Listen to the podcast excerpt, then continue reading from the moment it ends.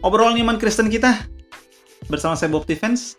Kita masih ada di asal mula Israel bagian yang um, sub yang kedua dari sub bagian yang pertama. Tadi kemarin kita sudah lihat sesi sebelumnya bahwa Allah membentuk bangsa Israel itu dari satu orang yaitu Abraham, kemudian ke Isa, kemudian ke Yakub dan mereka ke Israel ke Mesir dan 70 orang dari anak-anak Yakub dan cucu-cucu Yakub. Kemudian dari 70 orang ini menjadi sangat banyak, tetapi kemudian mereka tertindas dan karena tertindas mereka terancam punah sementara Allah itu sudah berjanji kepada Abraham, Ishak dan Yakub. Jadi ketika orang-orang ini mereka menderita ya kan? Mereka menderita, mereka uh, tertindas dan sangat sakit, mereka berseru kepada Allah yang Maha Kuasa, Allahnya Abraham, Allah Ishak dan Allah nenek moyang mereka Yakub. Maka Allah mendengar mereka, dia mengingat janjinya kepada Abraham, Ishak dan Yakub dan dia menolong mereka. Dan dalam pertolongan itu dia mengutus, dia menyatakan diri kepada Musa, seorang uh, dari antara banyak orang tadi itu orang Israel. Orang ini cakap sekali karena dia sangat terdidik di bawah asuhan um, pendidikan kerajaan Mesir. Dan um, si Musa ini melihat ada semak yang menyala dengan api yang besar namun tidak terbakar jadi agak aneh ya kan dia menghampiri dan ternyata Allah menyatakan dirinya di sana, memanggil dia untuk membebaskan Israel. Karena Allah ingin membebaskan Israel dari penindasan, penderitaan mereka, karena Allah ingat janjinya bahwa bangsa ini harus tetap ada, tidak boleh punah karena penderitaan, tidak boleh punah karena uh, penindasan Mesir. Dia ingin mereka keluar dari bangsa itu. Sementara ini bangsa budak, tidak punya kekuatan militer, tidak punya eh, modal kepemimpinan karena ini sangat tertindas mereka ada banyak sekali mandor Mesir yang menjaga sehingga memastikan mereka harus tetap kerja paksa. Situasinya agak sangat sulit bahkan mungkin hampir mustahil bagi mereka untuk keluar sebagai bangsa yang terjajah. Bukan hanya untuk membebaskan diri tapi untuk keluar sebanyak orang itu. Dikatakan lebih dari 2 juta orang pada waktu itu paling sedikit beberapa ratus ribu, 600 ribu paling sedikit ratusan ribu bahkan sampai jutaan orang keluar dari Mesir dari kerajaan terbesar pada waktu itu dengan kekuatan militer yang besar agaknya sulit. Tapi kemudian Allah yang maha kuasa ini ya kan memanggil Musa kamu harus membebaskan mereka.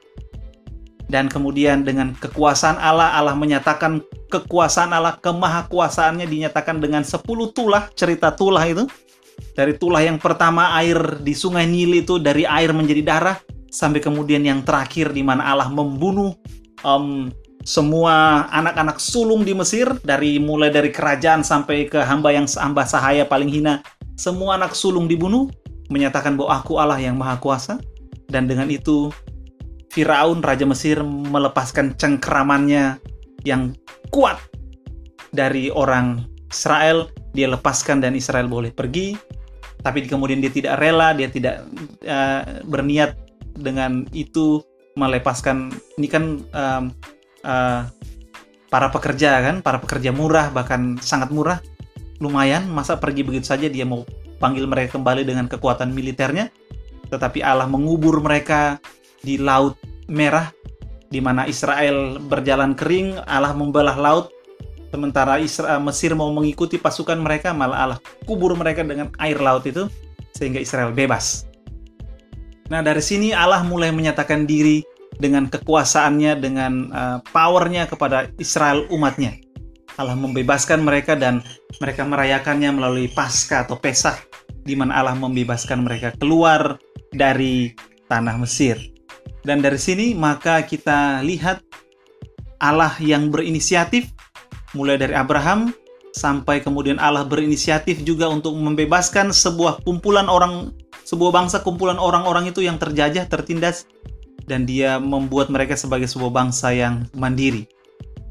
Dan dari sini Allah kemudian menetapkan konstitusi hukum pada mereka melalui Musa hambanya, di mana Israel akan diatur oleh hukum Allah sendiri, sehingga mereka jadi bukan hanya bangsa yang mandiri, tapi bangsa yang teratur, dan dengan keteraturan itu Allah menginginkan, mereka untuk menjadi bangsa yang sejahtera menjadi umat yang memang diperhatikan Allah dengan baik, dengan sungguh-sungguh, seperti yang ia memang nyatakan kepada mereka.